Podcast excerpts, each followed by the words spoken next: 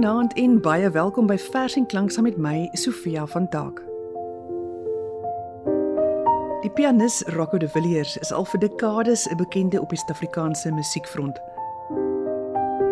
Sy eerste album het in 1998 verskyn en sedertdien het hy al bykans 20 albums opgeneem.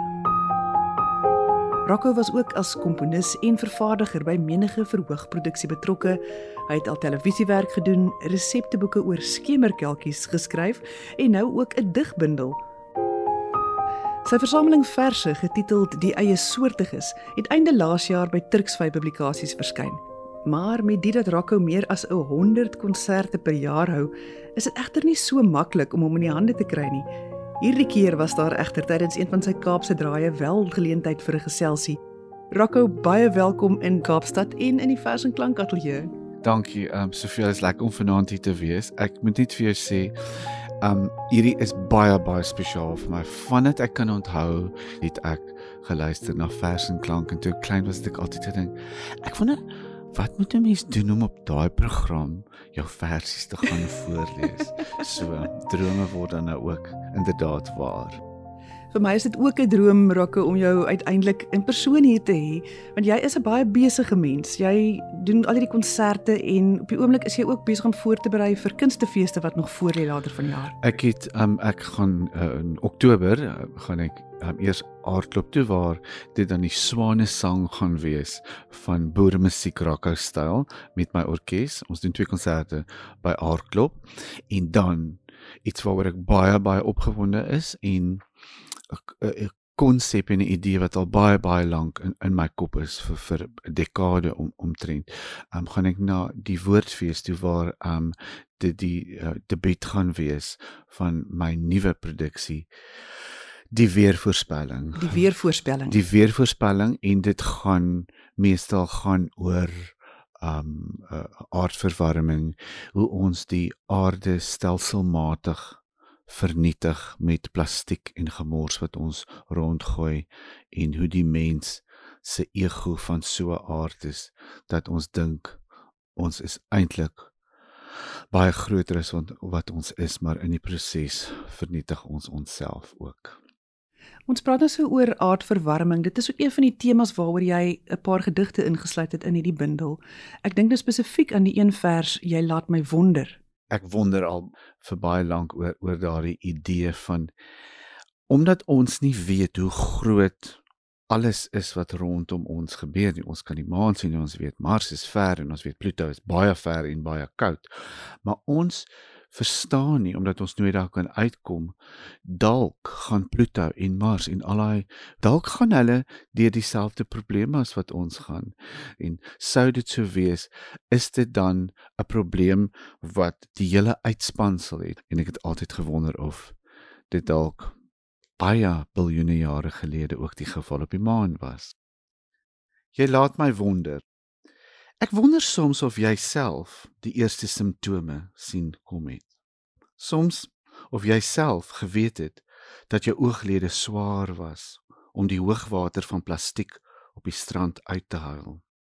Of jy die groot koorspenne aanvanklik as bedreiging gesien het voordat hulle jou aardkors deurboor vir olie en ander. Of jy gevoel het hoe jou woude minder word, minder groen met minder blare en wonder soms toe jou liggaamstemperatuur met 1 graad styg of jy kon sien hoe jou sneeu yswater word. En ek wonder as ek so na jou, my vriendin, met halfmaan, volmaan en donkermaan kyk, of sy dalk ook lank lank gelede dieselfde misbruik van haar inwoners moes verduur. Die respeklooses vir mamma die maan en nou die aarde.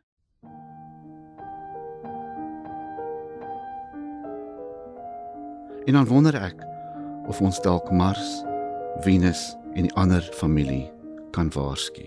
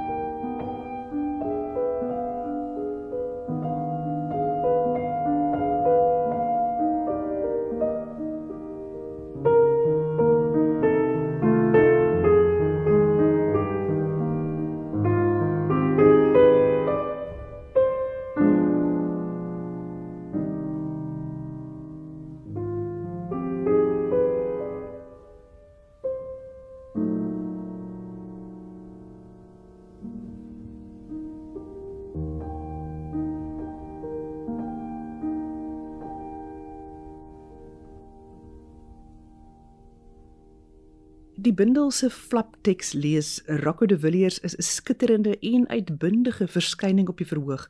In hierdie bundel gedigte hamer hy verrassende klanke uit die vleuelklavier van die taal. Hy kyk skerp, maar altyd met deernis na homself en sy medemens. Goed beskou is elke mens uniek, 'n eie soortige wese wat ander onverwags kan vermaak en verbuister. Die eie soortiges is 'n versameling van 60 gedigte wat oor 'n tydperk van 40 jaar geskryf is vanaf sy matriekjaar in 1982. Dit is persoonlik, vermaaklik, komies, diepsinnig en ontroerend. En daarmee kan ek heel hartig saamstem. Ek geniet hierdie bundel verskriklik. Dit is onopgesmuk en eerlik en vertel van soveel verskillende eras uit jou lewe. Ek het ook 'n paar keer baie lekker hardop gelag. Maar ek moet nou vra, Rocco, waarom het jy besluit om nou eers te publiseer as jy al vir dekades dig? Ja. ek het um vandat ek baie baie klein is voor matriek nog het ek ander versies geskryf. Maar omdat ek so in 'n wêreld werk wat met instrumentale musiek te doen het waar daar geen woorde is nie, was ek altyd skaam daaroor. Ek was altyd bang mense gaan lag vir my of hulle gaan dink dis nie goed genoeg nie. Maar ek het besluit om om die bundel saam te stel gedurende die pandemie.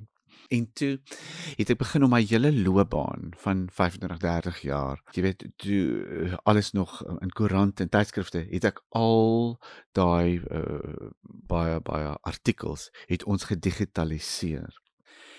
En toe ek alles soveel gedigitaliseer het van my loopbaan van 25 jaar, toe pas alles in een van daai Aula Romeis bokse in. Is dit dan nou dit? Is dit nou dit wat hier in pas? Maar in dieselfde sin het ek gedink ja dit is wat dit is en dit moet ons herinner hoe nietig en hoe klein ons is. Maar wat vir my uitgestaan het onder al die papiertjies wat ons gedigitaliseer het was die ou gediggies.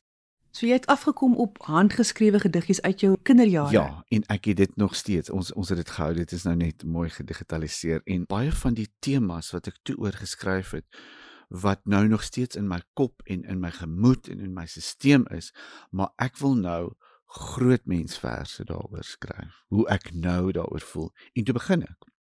En toe ek weer sien, toe ek baie baie baie versies en gediggies uh, bymekaar gesit. En nou sit ons met um die eissoortiges waar oor ek baie baie ek baie trots daarop. En met goeie rede. Dit is 'n ongelooflike mooi bundel. Dit lees dit lees so amper soos 'n lewensverhaal. Dit is eintlik 'n 'n album van Rocco de Villiers se lewe. En op die voorblad het jy ook 'n ou foto uit 'n fotoalbum gebruik. Ek wens die luisteraars kon dit sien. Dit is so 'n pragtige prentjie. Rocco, ek neem aan dit is jy wat daar staan. Ek skat jou so wat 7, 8 jaar oud. Ek dink um, ons was so op laerskool gewees, so dit sou so 7, 8 gewees het. ons het baie konserte gehou op Harry Smith waar groot geword het en ons het 'n slagorkes gehad wat by al die konserte gespeel het. En dan speel hierdie enetjie die driehoekie en daai en die trommetjie. Ek onthou die juffrou wat in beheer was van al die goed. Ek het gehoor sy sê vir die ander juffrou ons kan nie dat die kind in die orkes speel nie. Is dit nou jy? Is ja, jy nou die hy kind? hy is heeltemal te goed. Ek dink ons moet hom die orkes leier maak. Aitsa. en aanvanklik was ek baie mal daaroor want ek het vir my ma gesê ek moet my met my rug na die mense toe staan hulle gaan my nie sien nie Ek wil hulle met my sien. As ek klavier moet hulle my sien. Ja. En dis hoekom ek op die voorg is. En dit is toe 'n foto wat oom Lappies, Lappieskag nie, wat die enigste fotograaf op Harry Smith vir baie dekades was, vir my geneem het in die laerskool Harry Smith waar ek die slagorkes gedirigeer het. Niks het nog eintlik verander nie. My ore is nog steeds so bietjie bak aan die agterkant. En maar ek dink die houding is ook nog dieselfde. Die houding is daar. Ek kan sien dat jy daai daai dirigentstokkie met groot autoriteit rondswaai. Ek dink niemand het gedurf om uit ritme uit te speel in daai slagorkes nie. Nou die bundel se naam, die eie soortiges. Handel die bundel oor hulle of is dit vir hulle of albei?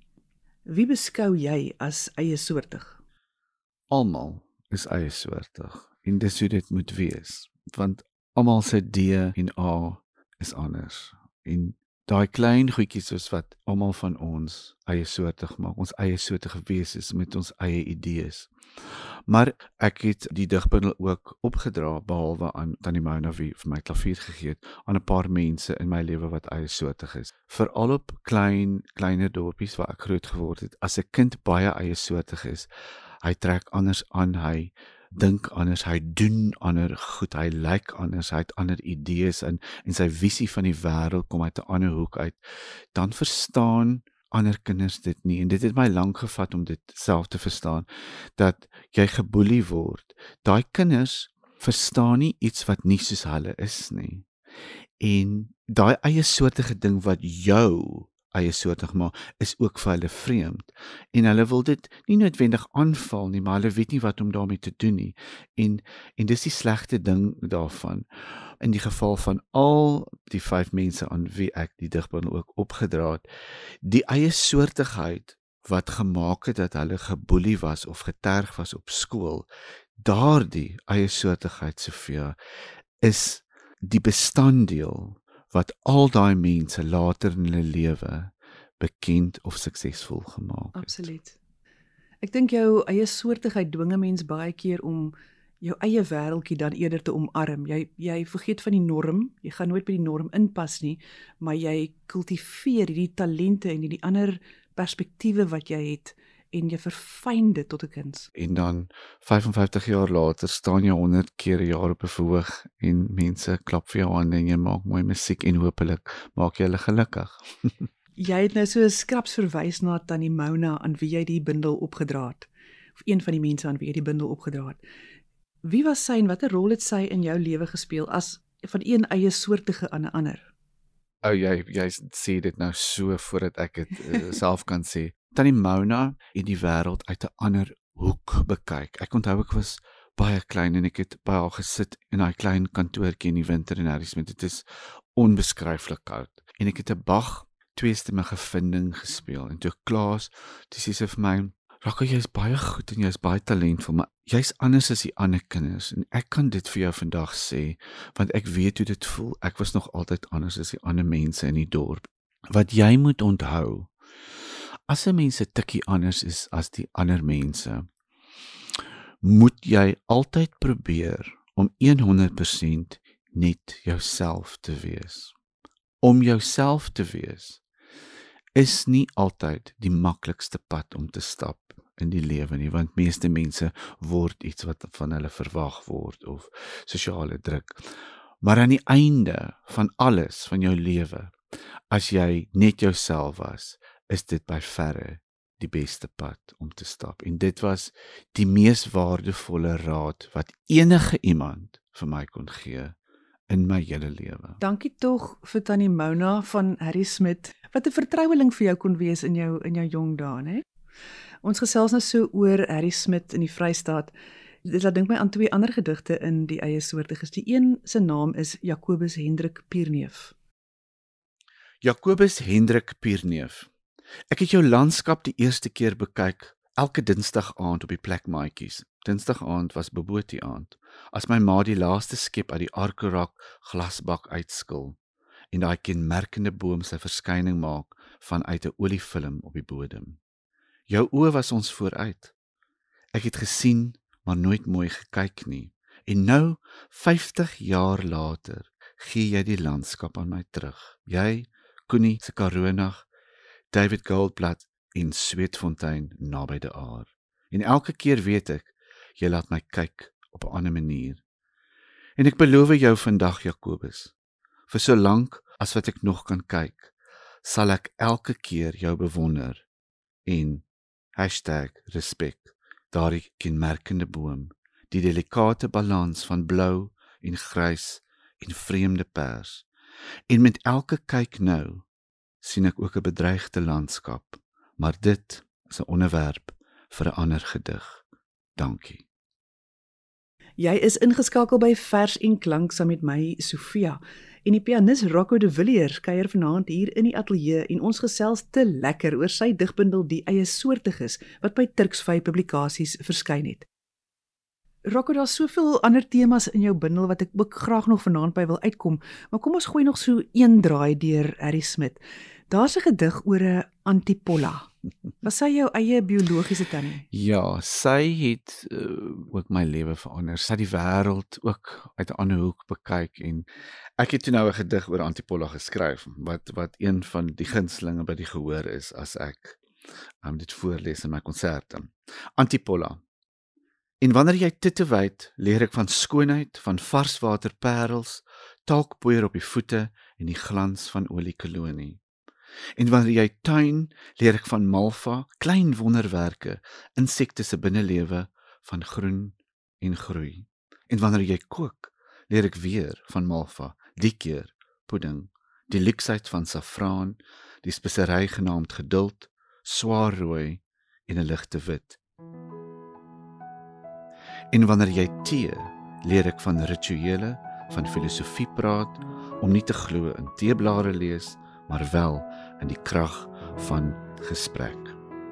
En wanneer jy drink, leer ek van 'n heupfles, van vodka en roses lime cordial. Geen matigheid of perke, die obsessies van 'n smulpaap lag en huil, onthou en vergeet.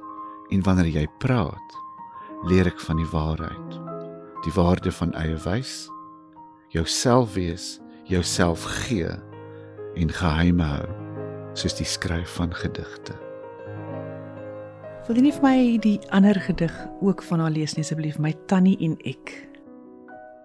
My tannie en ek. Elke familie, een tannie, te veel rook, te rooi lippe. Elke familie, een neefie, te pink hemde. thank you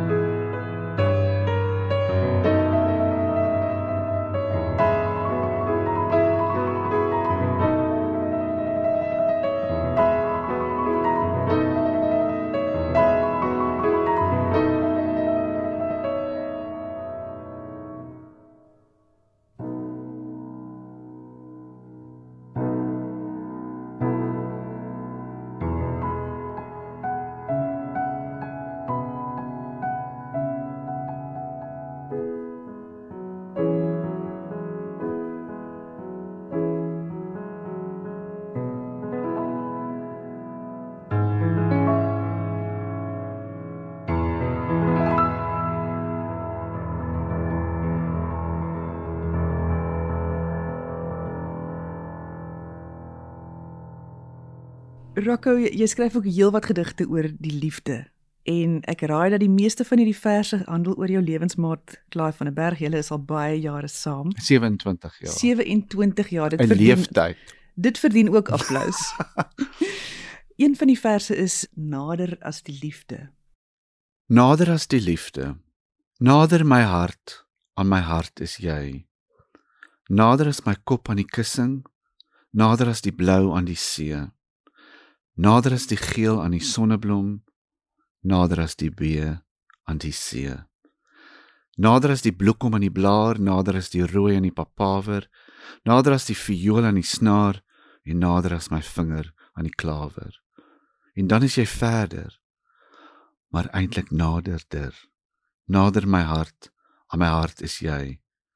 As my hart op my mou, as die aquamarine aan die pronk aan die pou. Rocco, iets wat ek nie van jou geweet het nie en onlangs eers raak gelees het, is dat jy jou eie liefdadigheidsorganisasie het genaamd Touch. Sofia, ja, dit is baie baie na my hart en baie spesiaal vir my. Dit het lank gelede begin toe ek 'n konsert vir Shoprite Checkers gedoen het.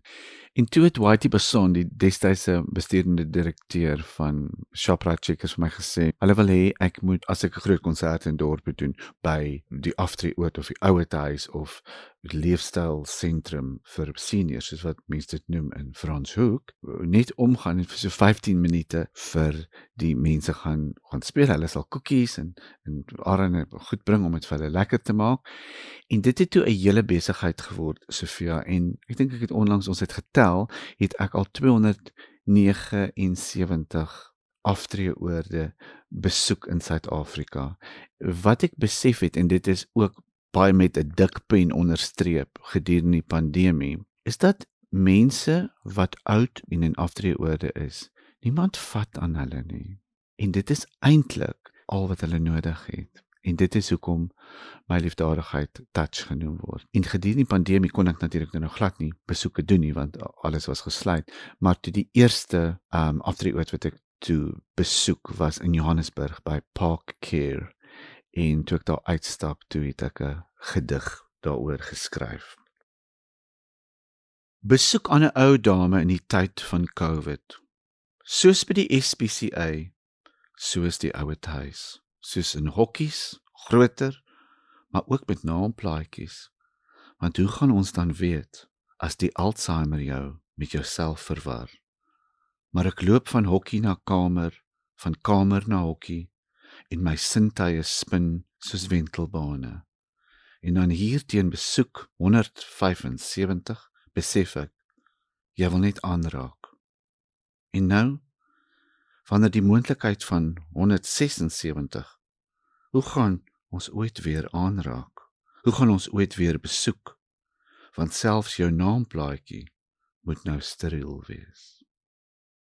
Rakko die tyd het ons ingehaal. Dit was so lekker om jou 'n bietjie beter te leer ken. Jy's 'n absolute darling. Ek sien. Ek sien so uit daarna om weer eendag saam met jou brood te breek.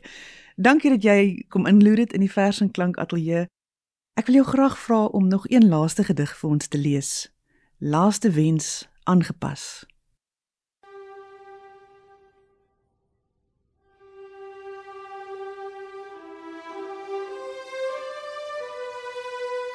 Moenie George toe vlieg nie, ry eerder met die kar. Koelsberg, dalk 'n eerste stop. Die gastehuisman rook onophoudelik. Dalk as jy tyd het, stop in Beaufort Wes. Die lodge het die mooiste Australiese skaaphond. En as jy ompad ry, dalk die hotel op Maatjiesfontein. Sien tog net vir die klavierspeler in die kroeg, Rocco is toe dood.